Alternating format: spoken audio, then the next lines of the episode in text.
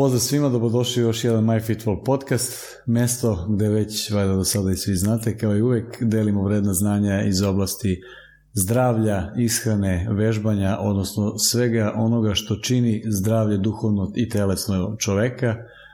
MyFitful podcast. Tema kojom ćemo se baviti u ovoj epizodi je da kažem najpre, e, opšte poznato intermittent fasting, odnosno povremeno gladovanje i keto dijeta i nešto što ih spaja kao adaptacija na to e, jeste autofagija.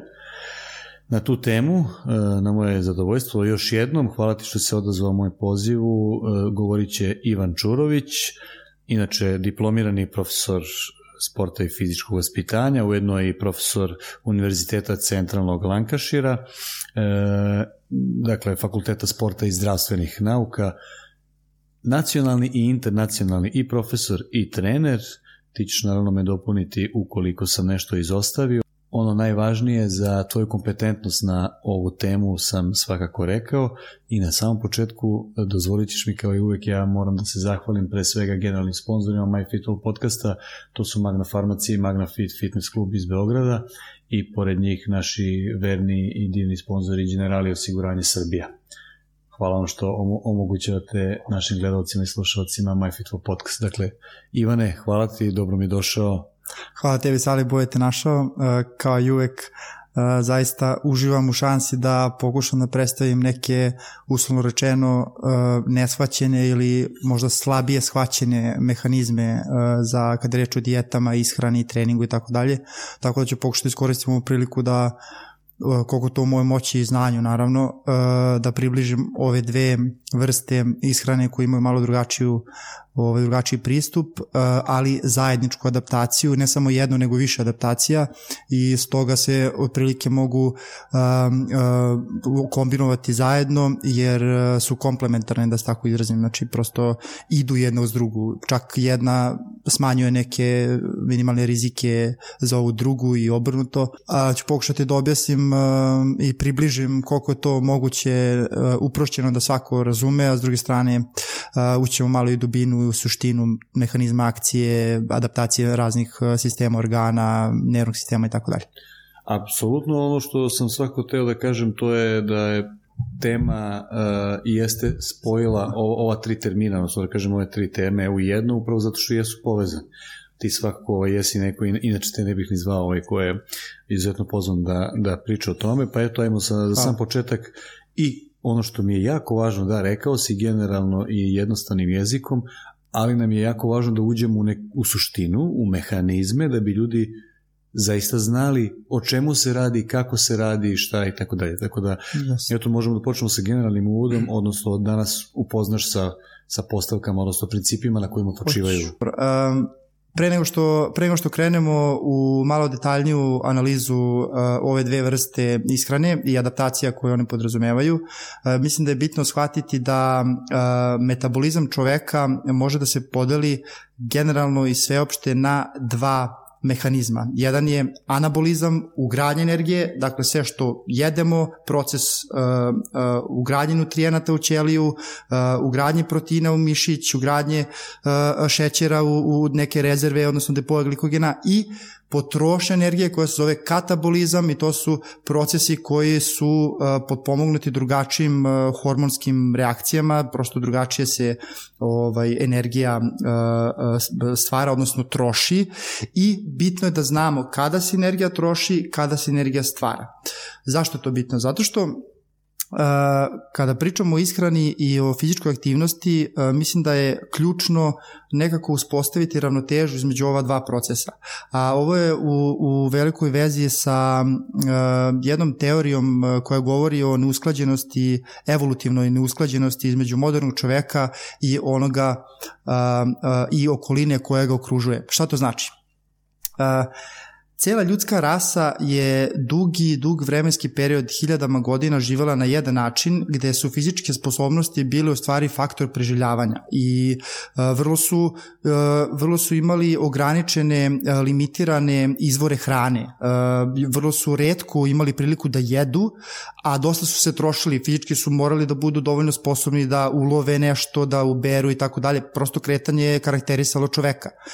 Danas uh, uh, modern čovek apsolutno se ne oslanja na fizičke sposobnosti za, ni za preživljavanje, a ni za uspeh generalno u životu, tako da Darwinova teorija o evoluciji gde najsposobniji preživljavaju uh, danas se malo ovaj, odnosi na drugačije, odnosno kognitivne sposobnosti više nego na fizičke sposobnosti. Zašto je bitno? Doći do poente.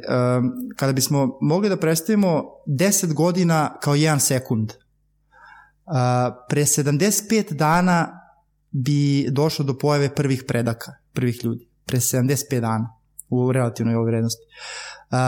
Pre samo, pre samo 19 sati nastaje kognitivna revolucija.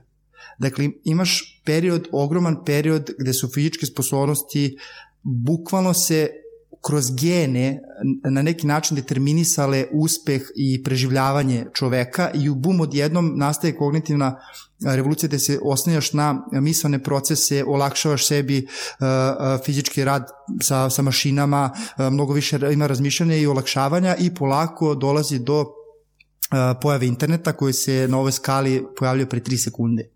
Znači, pre samo 3 sekunde se pojavljaju internet i on nas je, da kažem, u ovom smislu baš onako uh, usedeo, što se kaže, za, na, na taj centar i Do, do, nas hipokinezije, da. Da, način života. E, opet, zašto je bitno? Pa, uh, cela, uh, cela uh, hipoteza o tome da se povremeno gladovanje može uh, pozitivno reflektovati na opšte zdravlje organizma počiva na ovome. Znači, nekada su ljudi jeli redko, nisu znali kad će imati da polju, kada uzmu, uglavnom gledaju kaloričnu hranu da, da stave u sebe i onda neko duže vreme ne, prosto nemaju hranu, ne mogu da, da, ovaj, da jedu. Um, ono što je u nauci definitivno dokazano danas jeste da ko manje jede, ko unosi manje kalorija, duže živi. To je da kažem, veza koja je nedvosmisleno ovaj, demonstrirana i na krilima ove veze, da kažem, postoji određena hipoteza da ako ostavimo jedan period e, gladovanja, e, da ćemo dobiti neke pozitivne aspekte adaptacije organizmu koje će možda moći da utiču pozitivno na e, razne sisteme organa i na drugi način da nam malo pomognu sa ove, redukcijom telesne mase. I na generalno verovatno opšte zdravlje. Da, i generalno opšte zdravlje, da. E sad, autofagija. Autofagija je ključna adaptacija koja se dešava uh, kao odgovor ne samo na povremeno gladovanje, gde neki podaci pokazuju da je minimum 14 sati potrebno da se bude bez hrane da bi došlo do ono, trigirovanja ovog procesa, uh, ali uh, takođe fizička aktivnost, odnosno trening će naravno potrošiti određene energetske substrate i malo će brže pomoći čoveku da uđe u, ta, u tu auto, čuvenu autofagiju. I takođe, nije, dakle, nije trigerovana samo poremnim gladovanjem. Ona može takođe uh, uh, biti aktuelna sa keto pristupom ishrani. A ovome ću pričam uh, malo kasnije, prvo ću da se koncentrišem na sam mehanizam i na poremeno gladovanje kako, na koji način do, dovodi do autofagije. Prvo, šta je autofagija? Autofagija je u stvari potencijacija uh, uh, ćelijskih organela lizozoma koji su odgovorni za digestiju na nivou ćelije. Dakle, oni, oni, varenje, oni va, vare, da kažem, uh, uh, bukvalno uzimaju te makronutrijente i stvaraju energiju ćeliji. E, u, u odsustvu dovoljno tih uh, makronutrijenata, oni su, da kažem, primorani da uh, recikliraju uh, otpadne produkte, štete produkte metabolizma i ostale makronutrijente, od kojih pre svega mislim na oštećene proteine, koji, ne, naravno proteine koji se uzimaju hranom, ovo su neki enzimski proteini, da, koji imaju uh, da. potencijal da naprave ozbiljan rizik od određenih bolesti i uh, ćelija na taj način uh, bukvalno usisava u sebe sve ove otpadne materije, reciklira ih za stvaranje energije i na taj način u stvari u odsustvu nutrijenata uh, uh, snadbeva te uh, energijom. Druga stvar koja je jako bitna i karakteristična za, za autofagiju jeste da takozvani apoptočni prag ćelije, to je prag, dakle svaka ćelija organizma ima određen prag do kog živi, da kažem. U jednom momentu kad dođe do tog praga, posle kad krene neka mutacija, on ima u sebi automatizam da bukvalno umre, da, da, da, da, da se isključi, da, da, da, da ga uništi imunni sistem i uh, da bude uh, zamenjen na nekom mladom ćelijom. E, taj to se, taj uh, prag se zove apoptopski prag, mislim, malo mi je teško sa engleskog da, da pre, ali uh, uh, taj prag se snižava kao odgovor na gladovanje, na autofagiju. To je autofagija dovodi do toga, i ćelija dakle bude programirana da ranije dođe do samouništenja ukoliko postoji neki proces koji može naškoditi ili mutirati u neku kancerogenu ćeliju recimo. Dakle, uništava se i u prisustvu novih nutrijenata sa novom hranom biva zamenjena novom ćelijom, mladom ćelijom koja posle ima neki svoj mehanizam rasta. Ovo je e, dovedeno u mnogim in vitro studijama uh, i uh, studijama na životinjama u vezu sa smanjenim rizikom dokazano je u stvari da kancerogene ćelije, odnosno ćelije koje su mutirane da postanu kancerogene imaju manju šansu da, da, da to i postanu u ovim uslovima ali naravno da na ljudima nije bilo niti dovoljno studija za sada, niti su konkluzivni nalazi ovaj, do, do, do sada, međutim postoje, postoje neke stvari koje su sve više i više jasne, a to je recimo da pacijenti koji boluju od uznapredovalih faza raka, uh, i idu na, imu na uh, hemioterapiju i radioterapiju, uh, ukoliko uspeju da na pravi način uh, primene, primene autofagiju, odnosno povremeno gladovanje, uh, uh, ćelije, zdrave ćelije prioritizuju opstanak i isključuju faktore rasta na ove otrovne terapije, jer znamo da, je, da su te terapije u stvari toksične, a kancerogene ćelije to ne uspevaju i bivaju ranjivije na, na tretman. Dakle, uh, ono što jeste nedvosmisleno dokazano je, uh, uh, je da pacijenti lakše podnose radioterapiju i lakše podnose hemoterapiju sa gladovanjem. Ali, jako bitno, kada je kancer uznapredovao, postoji određen rizik od takozvane kaheksije, odnosno e, gubitka, gubitka, rapidnog gubitka proteina, aminokiselina. I iz tog razloga bi u ovom slučaju nekom, naravno ja ne želim nikome da savetujem da to radi dok se ne posavete s doktorom, ali eto istraživanja jesu pokazala da, da, da uz adekvatan unos proteina i neku, neku primjenu određenog protokola povremenog gladovanja može se lakše podneti terapija. Neće niko biti izlečen najverovatnije, ali bolje Samo će... Samo mi kaži, izvini, da, sad, sad si me zaintrigirao. To su korelacione studije ili uzročno posledičnu vezu je ne, dovedeno to? To su, to su korelacione studije, znači ne da, mogu da dakle, da baš da, nađu, da, nađu uzročno, da, da, jasne, da. Jasne. Tako da postoji indikacija, ali jasna indikacija ovaj, na, da, na velikom broju studija, tako da, eto, to je jedna, jedna od, mislim, stvar koja nije toliko vezana za moju struku, ali s obzirom da sam se bavio ovim istraživanjima u smislu reviewa ovaj, eh, tih intermittent fasting protokola, eto i mislim da je bitno i ovo naglasiti. Da, vrlo usko povezana svakako ovaj, sa našom strukom. Ja sad opet moram da kažem u, u odbranu struke i to da aj bar na akademskom nivou e, ishrana, higijena i ishrana, to su obavezni predmeti, tako da nije da, Jest. nije da je to nešto samo stvar nekog, da kažem, skraćenog kursa ili e, prostog tvog e, opredeljenja da istražuješ neku literaturu, pogotovo aspekt tvoj doktorski jest, i to je međunarodni poziv.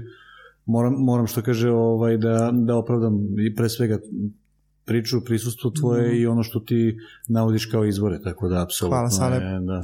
E sad, šta, šta su to protokoli e, povremenog gladovanja? Ima ih jako puno i taj intermittent fasting, odnosno povremeno gladovanje, u stvari bukvalno se ponaša kao jedan opšti termin koji u sebi više pro različitih protokola ima, a to su grubo podeljeno na dve različite vrste gladovanja. Jedna podrazumeva 24-časovno gladovanje koje može da se praktikuje Uh, od drastično gladovanja, gde se svaki drugi dan gladuje po 24 časa, dakle jedeš svaki drugi dan, a ne jedeš takođe svaki drugi dan, um, jednom nedeljno, 24 časa gladovanje jednom nedeljno, 24 časa gladovanje dva put nedeljno, tri put nedeljno i tako dalje.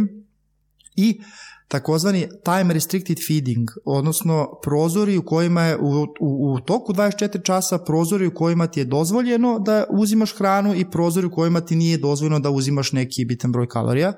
I od tih je naj, uh, najpopularniji definitivno um, uh, 16 plus 8, odnosno 16 sati u kojima se ne jede, 8 sati u kojima se jede, imate i 18 plus 6, 20 plus 4, gde se u 4 sata jede, od 20, 20 sati se ne jede. Sve su ovo protokoli koji su bili istraživani na ovaj ili onaj način ili na životinjama ili na ljudima. Samo ću da, da, da, da u, -hmm. uletim što kaže sa, sa jednom digresijom, odnosno pitanje, to je neki kvantitativni deo. Da li postoji neka kvalitativna razlika, odnosno vreme kvantitativno, da li postoji neka preporuka za te različite satnice, šta je ono što smemo i ne, ne smemo da jedemo, ili se kaže nije problem. Šta god da pojedeš u tom periodu, bit će manje ili više efekt. Odlično pitanje, jako bitno pitanje, zato što uh, povremeno gladovanje ne podrazumeva kvalitativan opis unosa namirnica. Dakle, ovo je samo jedna vrsta strategije na koji način može doći do određenih adaptacija.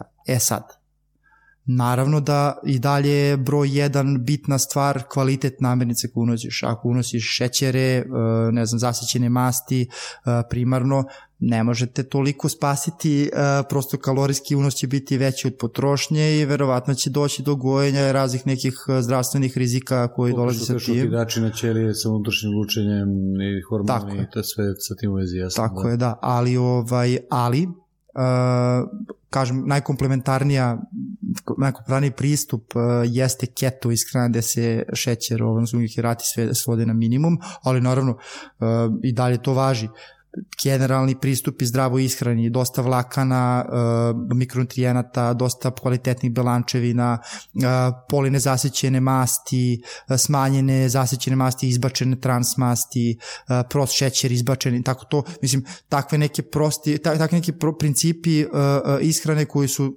podeljeni u ovaj neke mm. fasting protokole a, mogu da dođu, do, dovedu do određenih pozitivnih adaptacija u odnosu na to kad bi se razlili, da kažem, u toku dana. Ne.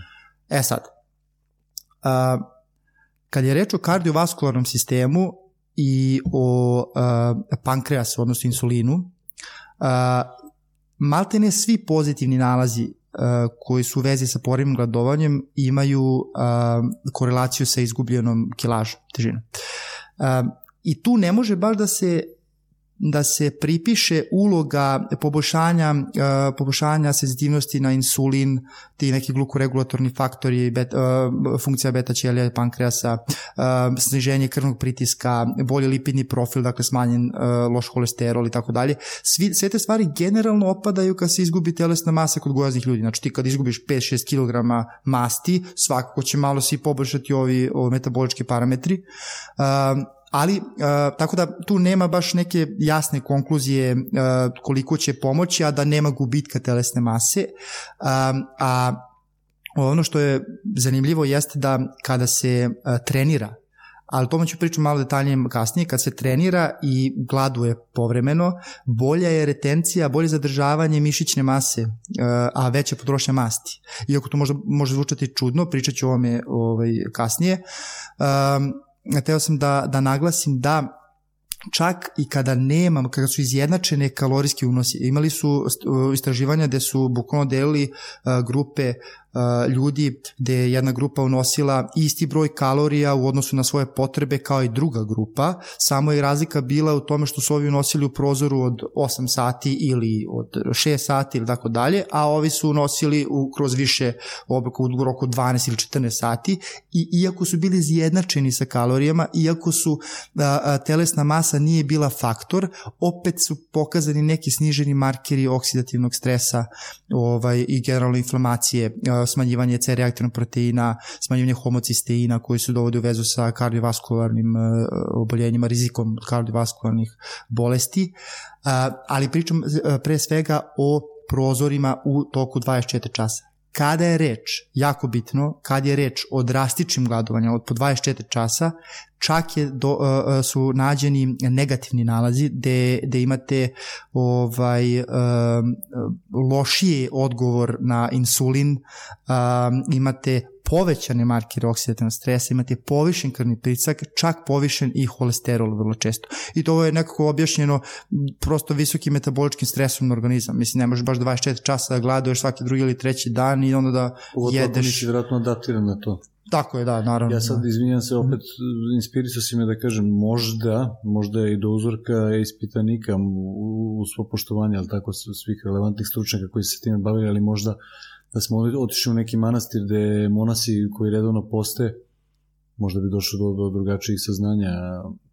Da. Hipotetički, ja sad da. sa ove strane kao slušalac gledam Jeste. ovaj, koja kategorija ljudi je možda već adaptirana na gladovanje, pa da. onda ne bi imala metabolički stres, možda pa bi imala pozitivnu adaptaciju. Iako je Jest. de facto agresivnije 24 časa ne jesti, a moraš jesti generalno u životu, nego jesti pa ne jesti, pa ne jesti, tako skroz, neke manje. Skroz pravo ima smisla, ovo su bili uglavnom e, grupe ljudi kojima je rečeno kako odjednom da krenu da se da. hrane, ali ra, a, kad sam ja radio review na ovu temu, uh, imao sam problem, teo sam da isključim studije koje su uzimali u obzir ove Ramadan fasting toku noći. Mm -hmm. Prosto nisu mi bile uh, dovoljno relevantne za odgovor na pitanje koliko je fasting kao takav relevantan, upravo zbog toga. Znači, deš, dešava se ovaj određena određen broj sati uveče tokom noći o, tokom dana izvinjam se da se ništa ne jede onda tokom noći se jede bez kontrole uglavnom ne može da se iskontroliše iskontrolišu mnogi faktori. Tu je bilo raznih nekih onako ne toliko jasnih zaključaka. Da šumova ne Da, tako da um, uglavnom se uh, skup, prosto skupljaš te ta istraživanje jedno mesto, izlačiš zaključke i ovo su neka neke ovaj neke opšti zaključci. Um, pre nego što bih prešao na, na generalno treniranje uz ovaj uh, protokol ishrane, volio bih da se um, polako, polako pridružujemo keto način ishrane ovom, i gledamo na koji način se oni u stvari pogađaju. Ja ću da napravim samo mali uvod, dakle keto, ono što bi bilo korisno da nam kažeš e, keto neki zagovaraju sjajno, super, fantastično, primeniti obavezno, naročito u nekim kraćim periodima nekog cilja, konkretno gubljenja telesnih masti i tako dalje, dobijanja definicije, uzmišljenu masu i tako dalje, mhm. dok drugi kažu makromolekuli belančevina ovaj, povećavaju kiselost u organizmu, pa pitanje je koliko je to ovaj, da. dobro, da li te salate koje se jedu uz proteine e, povrća, dakle sveže salate, mogu da neutrališu tu kiselost i tako dalje, Da. Prosto i to usput da Naravno. razgraničimo. Uh, izvinjam se sada, jednu stvar sam propustio samo da kažem za ovo poredno gledovanje, a sve ovo ću svako da, da adresiram. Uh, teo sam da kažem da od svih protokola za gladovanje, one koji je pokazao najbolje rezultate, skoro, skoro pa uvek pozitivne, pre svega na, na, na funkciju pankreasa, pre sve, takođe na oksidativni stres, znači smanjen, smanjen oksidativni stres u organizmu, jeste takozvani early time restricted feeding, rano, rani prozori za jelo, za hranu. Šta to znači? Znači da uh, su se bolje pokazali prozori u kojima je prvi obrok uh, uh, u skladu sa cirkadijenim ritmom, znači kad se ustane rano ujutru, a poslednji obrok, dakle 8 sati kasnije i to znači ne, negde oko 3-4 konkretno su studije ovaj, testirali, znači 3 ili 4 bude poslednji obrok i onda se 16 sati ovaj fastuje, odnosno ne, ne, unosi se, ne unosi se hrana do sledećeg dana, ti su bili bolji rezultati nego ovi, uh, između ostalog koji ja pratim već 10 godina, ovaj, gde se jede kasno i onda se broji 6 sati. U Ali do, suštinski sad moram ja da se nadožem na tvoju digresiju. To jeste nekim mojim uh, emisijama, drugim gosti uvoženima koji su bili upravo su pravdali tu teoriju, znači vrlo re, relevantni stručnjaci uh, koji kažu da je aktivnost enzima za varenje negde ujutru mnogo, mnogo veća, pa u suštini ima smisla da su ti rezultati najbolji. Iako ti preko puta mene imaš jedno 5 do 6% mastike ovaj, kada si u najgorim danima, ali opet ovaj, da. generalno pravilo. Mislim da je, da, mislim da je dosta kad pričamo o tim stvarima, dosta, dosta ima razlike od individualca do individualca, dosta od adaptacija, ako se neki duži vreme... Tako da, da, ali uh, moja, neki, moja neka preporuka je bila da pratiš svoj neki unutrašnji osjećaj. Recimo, postoje ljudi kao ja, recimo, koji prosto nisu gladni u, kad se, dok se uspostavlja taj dnevni bio ritam ujutru, nemaš nikakvu glad 2-3 sata, to je prirodno meni bilo od uvek, čak i sad 20 godina i sećam se, čitao sam po nekim časopisima negde nešto, pročitaš neko negde rekao da je doručak najbitniji, mora se jede, mora se jede Tako i onda bukvalo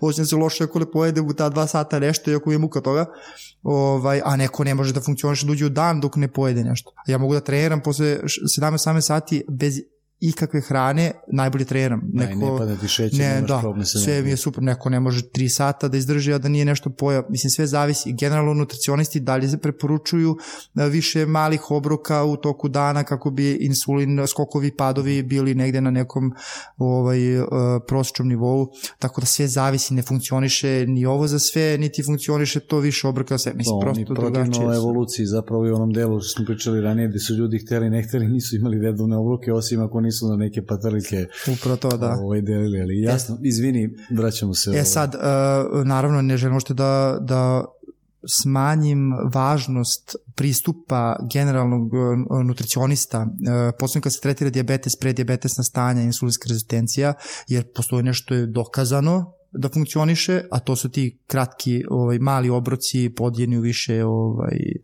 u više navrata u toku dana. I oni su nekako to sam primetio kod nutricionista generalno dosta veliku odbornost prema ovim poremenim gladovanjima kada je reč o, o, o ljudima koji imaju potencijal da, da postanu dijabetičari. A, i na ovome se radi, kao što sam rekao, neke, neka drašća gladovanja nisu za, za, za, za sve ljude, za ljudi koji su ove, skloni tom insulinskom rezistencijom, insulinskoj rezistenciji, ali postoje ozbiljni pozitivni nalazi za te, to rano, rane prozore da, jela, da, da imaš... Da pričamo o generalnoj populaciji, tako Jest. na našem E sad, što se tiče treninga i keto, ja bih, ako mi dozvoliš, ja bih ovaj, prvo da uđem u keto mehanizam, jer će onda za trening, kad budem krenuo da pričam o treningu i adaptaciji, da poredim keto i ovaj poremeno gladovanje i objasnim koje su razlike. A tako, to je onako baš kako bih ti pitao. Tako, e, super, odlično. Ovaj, Keto, podrazu, keto ishrana generalno, zašto što zove keto? Ona podrazumeva unos ugljenih hidrata uh, samo 5 do 10%, znači ispod 50 grama, što je jako, jako malo. Mislim, generalno sve ispod, u nekom prosečnom unosu ispod 150 grama se može računati kao nisko uh, kalorična šećerna, odnosno nisak unos ugljenih hidrata. Znači je jako, jako malo, bukvalno nedovoljno za osnovne ovaj, funkcije ugljenih hidrata u organizmu i to jeste poenta. Međutim, za razliku od Atkinsonove dijete gde se uh, protein naglašava u unosu, u keto ishrani se i protein snižava. Znači, protein unos proteina je negde između 10 i 15% od ukupnog kalorijskog unosa. Zašto? Zato što aminokiseline, odnosno proteini, imaju tendenciju da se pretvaraju glukozu u procesu koji se zove glukoneogeneza, odnosno stvaranje glukoze iz nešećernih ovaj, izvora i u stvaranju, mi to, znači čovjek koji prati keto prosto želi da ograniči uh, depoje ugljenih hidrata u organizmu i to uspeva tako što će i protein da smanji i, uh, poveć, i u stvari će krenuti da se hrani mastima. Znači, masti su glavni izvor kalorija u dan. Obrni, okreni, vraćamo se na slaninu. da, da, na slaninu. Da. E sad, nisu sve masti iste, uh, drugačije su i, i, i dužine lanaca koji se posle ulaze u mitohondrije i tako dalje, uh, ali generalno mast je primarna za, za ishranu u keto dijeti. Uh, zašto je mast primarna? Pa zato što je cilj da se ceo organizam polako šiftuje na metabolizam masti. Znači da masti budu taj primaran izvor energije koji će ti uh, davati u stvari energiju i u nedostatku u nedostatku glukoze, šećera koji je glavni izvor uglavnom. Mislim i ovdje, i ovdje i dalje tu postoje dovoljno glukoze da učestvuju u procesima ove stvaranja energije, ali uh, masti su potencirane da, da, da, da stvaraju da stvaraju da se oksidišu i da stvaraju energiju. A u ovom procesu mozak je taj koji potencijalno može trpi jer se on hrani glukozom. Znači mozak može se hrani šećerom. A, međutim eto to je o tome se radi. Kada a, kada se uzima dosta masti. Generalno, nus produkt metabolizma masti u jetri u ovom slučaju jesu tri ketonska tela acetoacetat, hidroksibuterat i aceton. Tako se zove. To su tri ketonska tela koja nastaju u oksidaciji masti koja dakle daje energiju svim ćelijama i ova tri ketonska tela u stvari imaju sposobnost da sistemski putuju do organa i bukvalno daju energije poput laktata da daju energiju drugim ćelijama između ostalog jako su, jako su sposobni da daju dobru energiju mozgu bukvalno su bolje gorivo od glukoze za mozak, zato što je e, pokazano da povećavaju broj mitohondrija u, u moždanim zdravim neuronima, zdravim ćelijama. Pokazano je da imaju, kad se moždane ćelije hrane ketonskim telima, postoje određena beneficitarna ekspresija gena koji bukvalno u hipokampusu, znači delu odgovorno za memoriju, za, za procesiranje informacija. Dakle, u, u, bukvalno imamo zbog toga smanjene smanjene rizike od određenih bolesti, degenerativnih bolesti, neurodegenerativnih bolesti, poput Alzheimera, Parkinsona i tako dalje.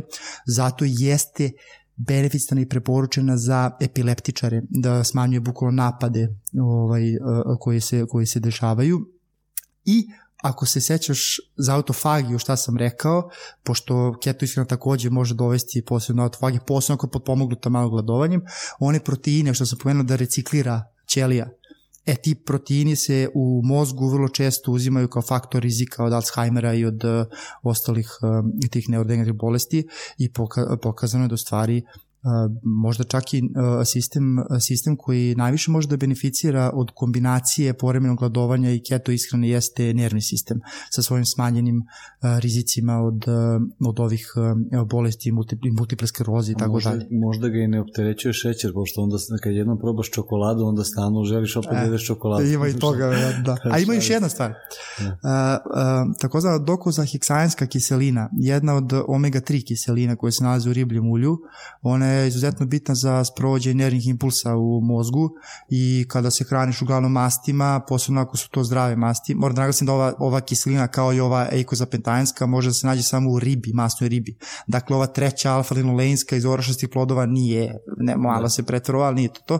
Dakle, masna riba ili neke alge, ovaj, te kapsule, suplementi, kvalitetni suplementi sa ovim uh, kapsulama mogu da takođe pomoglu nervnim impulsima i eto i, i, i takođe... Pa, ovaj... Sada ću samo da se nadožem, izvini, mm -hmm. znamo da deci se daje riblje ulja, često pogotovo hiperaktivna deca za koje pričaju da je ono nervni ne, razvoj, znači možda da postoji neki rizik od nekih problema, upravo se daje zbog adekvatnog tog neuralnog razvoja, tako da samo sam kao Jasne. digresiju ovaj stavio. Da, DH. I generalno da. E, suplement, ako neko, ne jede ribu, mislim, omega 3 se najviše nalazi u lososu, uh, nalazi se u skuši, nalazi se u Skuš. algama, u prosto u masnoj ribi, ali ako nemamo mekero, to je skušao stvari, da, heringe, heringe i tako da. Um, e sad, ako nemamo dovoljno, ako preko ne voli to, je, može visoko kvalitet kvalitetne kapsule omega-3, uh, ove EPA i DHE masi kiselina mogu da se nađu, ne toliko baš kod nas koliko u nastranstvu, ali treba da, da, da se gleda sadržaj EPA i DH da bude minimalno 500 mg, ali minimalno, bilo bi dobro da bude i 700-800 i da na taj način stvari to, to pomaže smanjenju, smanjenju inflamacije te hronične koja ovaj pravi problem. Hronična inflamacija je inače sama po sebi problem modernog čoveka. Zašto? Konzumerizam je u pitanju, da se vratimo nove evolutivne stvari. Mi smo mate ne u genima, imamo te impulse da reagujemo na hranu, čak i kad nismo gladni. Postoji svuda oko nas toliko, toliko različitih izvora hrane koje nam ne treba i ti ako nisi gladan ćeš imati potrebu da nešto uneseš u sebe prosto tvoje telo nije dovoljno evolutivno usklađeno sa tim, mora prođe mnogo, desetina hiljada godina da bi neš, naši geni nešto bili adaptirani da se sutra rađemo sa nekim sposobnostima da udišemo, ne znam, ugljen monoksid i, i, i da ovamo jedemo ne znam šta, da ne, se ne trošimo. Ne, prosto, to jeste teorija koja priča o tome da hronične bolesti nastaju u stvari kao odgovor na neusklađenost između gena i, i, i sredine. Ne možeš da jedeš konstantno, unosiš kalorije, trigerovaće te, te hronične inflamacije, povećan broj leukocita, kalcijuma, kolesterola, tako nastaju ateroskleroza, tako nastaju predviđeno da ta hronična inflamacija dovode do rizika svih bolesti. Kiselost, toksičnost, ali ovo što kažeš ne teorija, nego mi u praksi vidimo da je adaptacija čoveka da. na preterani konzumerizam u smislu hrane takva da imamo neprirodne ljudske oblike, ne, e, bolesti koje su sve češće metaboličke, tako je, da. autoimune, odnosno triggeri koji su on yes. povezani tako da i tako bliže,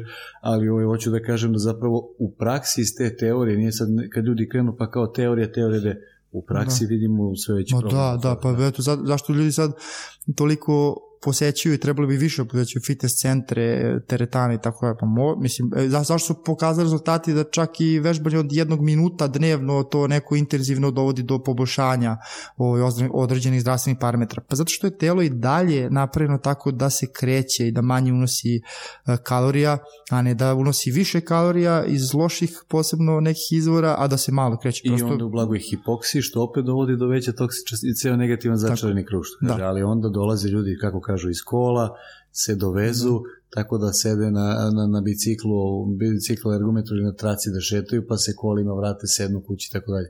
Da. E, malo tu šalu kažem, ali samo se nadovezujem na to da je zapravo sve veća potreba stručnog nadzora i vežbanja negde za dato vreme koje imaš, zato što je sve veće odsustvo prirodnog kretanja i svega ovoga što pričaš ti, Baš ja da. kažem kao i kao sebe hrišćanin, ali opet i ta evolutivna teorija suštinski fiziološki, biološki, ovaj sve ima smisla. Jeste. Da, e, trening. Da, trening. Došli smo u trening. Bravo, da. E, ovako. Uh, ke, tu se razlikuje, znači keto ishrana i povremeno gladovanje generalno će imati drugačije adaptacije. Zašto? Zato što na poremnom gladovanju ti dalje možda neseš dovoljno proteina koji ti treba na, na dnevnom nivou i iz tog razloga su verovatno i ti to gomila grupa ljudi studija pokazala da nema nema gubitka mišićne mase iako se dosta dugo ovaj dosta dugo gladuje. A mehanizam koji je jednostavno jako interesantan koji je pokazao da možda može objasniti ovu, ovu ovaj rezultat između ostalog jeste takozvano bojenje masti.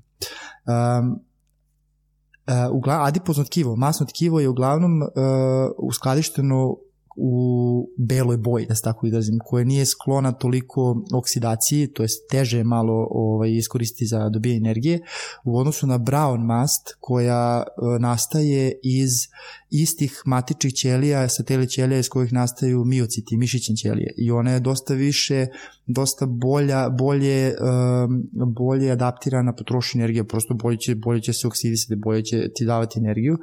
I um, a o, gladovanje od po 16 do 18 sati je pokazano da boji ovu belu mast, znači ne pretvaraju brown mast, ali je boji u bež boju bukvalno i time je uh, dovodi u situaciju da bolje oksidiše, znači bolje se koristi za stvaranje energije i sa takvim nekim uh, potenciranjem masti u, u procesu razlaganja zajedno sa naravno uh, glukozom može doći do malo veće potrošnje na račun masti, a malo manje potrošnje glukoze, bez obzira što se što postoje ti prozori, prosto aminokiseline, odnosno proteini će moći da se unesu tih 8 sati, ako se lepo ovaj, rašire, mogu da budu iskoristivi bez ikakvih problema. Uh, keto ishrana ne. U keto ishrani nemate dovoljno proteina. Znači nema šta da izgradi mišić, da podrži tu sintezu u mišiću uh, i iz tog razloga se mrše. Iz tog razloga su uglavnom mršave i na račun mišića mase. Mislim, a, ali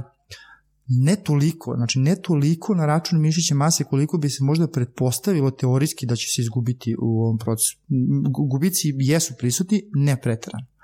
Ali šta ovo znači u kontekstu redukcije telesne mase? Kada se kada imamo čoveka koji je gojazan na konto ne samo masne komponente, nego i bezmasne komponente. Znači nije da mu fali mišićna masa, a vamo da, da, je, da je dosta, uh, dosta visok sa, sa masnom uh, komponentom. Uh, on vrlo često se deša, to sam, ja sam bar vidio u praksi dosta, vratno ćeš složiti sa mnom, dosta vežbača bez ozira na kalorijski deficit, trening sa otporom i tako dalje, ne dolazi do nekog rezultata redukcije telesne mase, a prosto imaju povećenu tu masu, onako malo trđe stomake, malo su veći, imaju veći mišić mišići, ali teško gube na masi. E, e, s ove strane, e, keto ishrana može jako pomogne. Zašto? Zato što kada se pristupi ketosu, posebno ako imamo, imamo i to povremeno gladovanje, uh, i ne damo signale telu za anabolizam, za ugradnju, nego stimulišemo katabolizam konstantno, odnosno potrošnju kroz aerobne aktivnosti, to su dugotrajne šetnje, jogging, vožnja bajsa, dakle nemamo trening s otporom. Trening s otporom može biti kontraproduktivan, to ću da kažem. Zašto? Zato što nemaš dovoljno insulina, insulin je anabolički hormon, dosta, dosta ti je smanjena, smanjen potencijal i prozor za sintezu proteina generalno. Prosto nemoj remetiti katabolizam metabolizam koji podržavaš u organizmu da funkcioniše na način da se oslanja na najprisutniji energetski substrat u tvom telu, to su masti.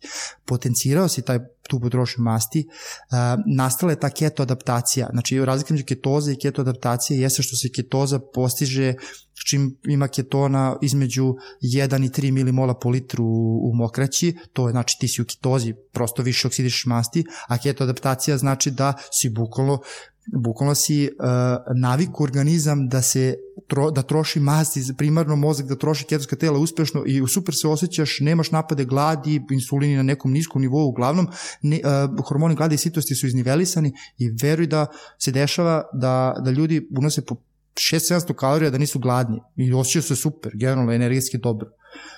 Naravno da ovo donosi, uh, nije sve sjajno i bajno, kao što si rekao.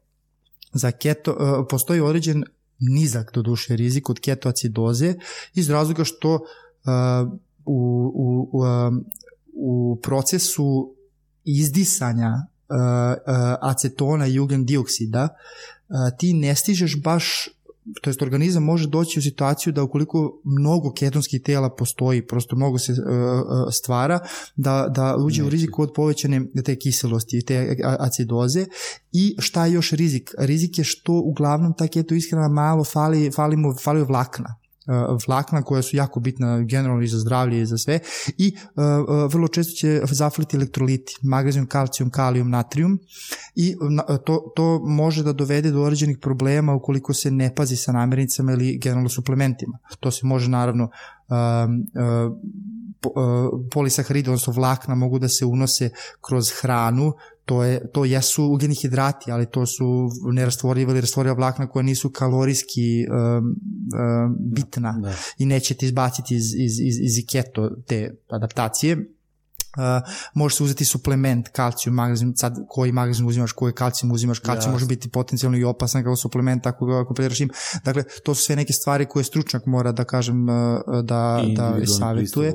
I da pristup opet pitanje je da li si ti sklon uopšte ketoacidozi, ali generalno uh, ljudi koji imaju recimo uh, giht ne bi smeli da se hrani uh, na ovaj način. Uh, postoji određen rizik od stvaranja kamena u žučnoj kesi, jer žuč kesa, ovaj, kao što znamo, tu žuč iz jetre će da sačuva, da posle ovaj, izbacuje za trošku masti, ali ovaj rizik ovaj rizik je smanjen, maltene, maltene eliminisan kada se fasting ubaci, kada se ubaci gladovanje. Mm. Ovaj, ne, ne, nema te, ovaj, te uh, drastične, drastičnog uh, stvaranja žuči i samim tim žuče kese sačuvana. Imamo određene rizike od kamena u bubregu takođe, ali opet kažem, ove rizici se, ne, ne, želim da promovišem, ali samo kažem da o, rizici mogu da se svedu na minimum. Sa ubočenom sodom bikarbonom, s ubočenom magnezijom citrat neki, da, sa, sa unošenim avokada, recimo koji je bogat kalijumom, uh, zelena banana, recimo zelena baš banana koja, koja ima nerast, uh, teško svarivi skrob, to je koji se ponaša kao prebiotik, ono isto može se pojedi na taj način sebi, može uzmeš prebiotik, probiotik neki sa ne znam, 40 milijardi tih zdravih ba, bakterija. I na taj način malo onako sebi ko hoće da proba to, ko ima problem, sad kaže, e, treniram toliko dugo, ne, ne pošljem rezultate, dižem tegove, radim svašta anaerobno, aerobno. Mast se troši u aerobnim aktivnostima. Dakle, ne možeš da podižeš puls visoko, da ulaziš u te takozvane anaerobne zone, gde možeš da se oslanjaš na šećer i glukozu, uh, jer treba da ostaneš tim zonama koji troše masti. Dakle, bukvalno ovaj tip ishrane u kombinaciji sa dugotrajnim šetnjama, malo možda jačim aerobnim zonama gde se trčkara, vozi bicikl, znači aktivnost, pokazano je, ja lično imam, ovaj, da kažem, neke vežbače kojima sam, s kojima sam prošao kroz neka dva meseca ovaj, te, te, tog protokola sa ketom i porenim gladovanjem, mislim, sjajni rezultati stvarno sa... Upravo je to moje sledeće pitanje. Koliko dugo, da, da li to može da bude stil života ili bi bilo dobro da se primenjuje periodično, recimo, i određeni period kraći ili manje kraći? Isto dobro pitanje. Uh, da, studije koje su procenjivale rizike na duže staze prvo nema ih dovoljno, drugo isto rezultati su uglavnom, uglavnom u redu, Neće, nema nekih specijalnih alarma sada da kažeš, e, pazi, ako se budeš ovako hranio 10 godina, postoji, postoji određeni problem. Ako se sve ove neke stvari, stvari ispuštu. Um, tako da može, može da se proba, može, kada je reč o treningu i mehanizmima uz odnosno trening, kako bi ja možda savjetovao uz nekog svog iskustva i znanja da se kombinuje kada za te ljude koji ima eto, koji nisu imali uspeha na drugačiji način, potenciraš tu keto iskreno sa poremim gladovanjem, traje dva meseca, vežbe koje radiš su aerobne, međutim, možeš raditi to takođe nekom, nekoj logici, možeš raditi vežbe sa jačim otporom, gde će ti vežbe trajati do 5 sekundi sa nekim maksimum kontrakcijama gde se oslanjaš na na fosfageni sistem za stvaranje energije. Znači, znači kreatin možda uzmeš pre tog ovaj, treninga i tako malo sačuvaš snagu, na taj način možeš da, da, da treniraš. Međutim, ja bi čak, mislim, eto, ja, ja lično nisam to ovaj, aplikovao, primjenjivo na svoje klijente, nego smo prolazili kroz uh, te aerobne procese, aerobne treninge, konstantno u aerobnoj zoni, mislim, šta god, koji god deo, tela i mišićih grupa aktiviraš, prosto da mu puls smeriš da ne pređe u, u anaerobiju. Uh, I nakon dva meseca, tri, kada dođe, znači kroz progresiju kalorije, unos kalorija sve manji, izvor masti je naravno kvalitetan i polako onda u nekom momentu krećeš da kombinuješ ugljene hidrate sa treningom sa otporom. Krećeš tu izgradnju, da kažem, mišiće mase. Znači, bukvalno jedan dan, to je, to inače postoji kao dokazano, znači, znači potenciraš ono što si pojeo uh, pre da treninga, to će se više troši. trošiti od prilike. Da, uzmeš ugljeni, uh, ugljeni hidrat, dva sata pre tega, naravno sad koju inhitre i tako dalje, ali uh, faktički u ovom slučaju kad ti fali toliko šećera, bukvalo bilo šta Skoro od ovih nekih polisaharida, znači od ovsene kaše sa voć, voćkama, ceđenim sokom pred, pred trening, čokoladicom i tako dalje, suvo grožđe recimo, sjajno izvor energije, mislim dekstroza sama po sebi, uh, i krene trening, on, on će u tom momentu da napravi taj ovaj uh, to punjenje depoa glikogena uzme kreatin, može lako da krenemo da. progresiju i da se polako mišić, mišić stvara. Znači, jeste da ga izbacuješ iz, iz, iz keto režima, ali ga vrlo brzo možeš i vraćati i na taj način u zavisnosti klijenta. Mislim, ja imam jednog vežbača koji u Americi živi sada, mi smo na vezi ovako, on, on čovjek se preporodio ovim keto načinom ishrane, i ovim porednim gladovima, on ne želi da, da izlazi to, nema to primarno, možda ne trenira, mora, to je trenira dva put, tri put nedeljno, ja bih kako, to doživio, ako, ako bih se pre slobodno laički izrazio, on redovno posti, da kažem, da. A, ali s druge strane, da, jasno je da je specifično, sigurno kao što si nekoliko puta rekao, vrlo individualan pristup u odnosu početnu tačku koja se nalazi, da li ima probleme, nema, koji su ciljevi, kakva je sama adaptacija čoveka, da kažemo, individualno i verovatno da oni medicinski parametri koji se prate, da li proširena ili regularna krvna slika ili još nešto, endokrinološki neki nalazi, da je gledaš da li zapravo na duze, duge staze je to u redu i naravno krajnji rezultat da li je redukcija telesne mase ili šta god da je prekompozicija tela, tako pratiš i, i, i vidiš ko će koliko to da primenjuje. Za sam kraj samo te molim da mi eto možda rezimiraš u, u, u dve, tri rečenice i u kratkim crtama daš zaključak i preporuke. Hoću. E, prvo bi samo da naglasim takođe da dojlje, trudnice, e, osetljive grupe ljudi, e, mladi naraštaj, da se tako izrazim, možda ne bi baš trebalo da, da ove prate ni keto, ni ove drastična gladovanja.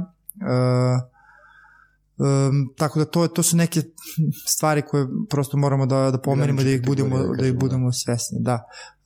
Um, e sad kada bih izveo neki konačni zaključak, uh, moj zaključak bi bio taj da uh, bih pre svega preporučio ove dve, pa preporučio bih intermittent fasting, ovaj porebno gladovanje, ovo rano, sa ranim prozorima, ko to može, ja kažem, ja nisam sposoban za to, ja radim ovaj drugi deo, ali ko može da inkorporira u svoj život, definitivno slobodno inkorporirajte, ako ste zdravi, nema problema, čak i ako ima ovaj, ako ima neki povišenih kolesterola, ako postoji gojaz i tako dalje, probaj sa tom ishranom. Znači imaćeš neki ovaj, prozor u kom jedeš, možda rećeš ovaj, svi će doneseš dovoljno kalorija u tom prozoru, ali ćeš ugladovati i, i, i bolje ćeš se osjećati. Tako je bar, bar pre, pokazano. I svakako za vreme ovaj, ne, neke inflacije, nekih e, tektonskih poremeća finansijskih na svetskom nivou. Da. Apsolutno. Jeste, da.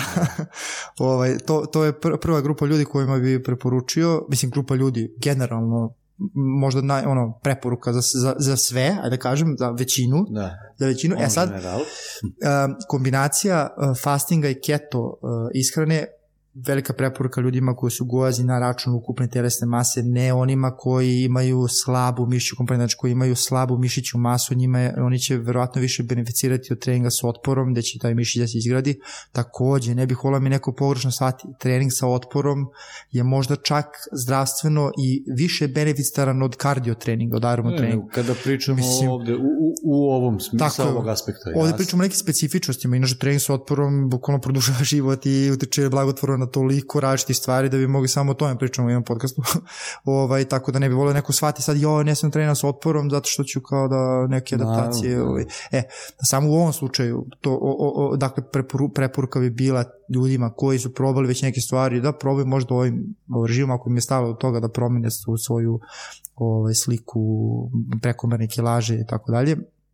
A za ostale, ništa, mislim, svako je zdrav pristup života, fizička aktivnost i kvalitativno dobra ishrana ključ, to je dalje broj jedan ovaj, savjet i preporuka, ovo su neke stvari koje su specifične. I sve i da nije povremeno gladovanje, ali neko umerenije, e, da kažem, jedenje ili gladovanje od prejedanja je svakako mnogo zdravije. Dakle, da smo u blagom deficitu nam je svakako zdravije nego da smo u suficitu, jer pokazuje mnogo više pozitivnih adaptacija deficitu ishrani nego suficita, je da kažem.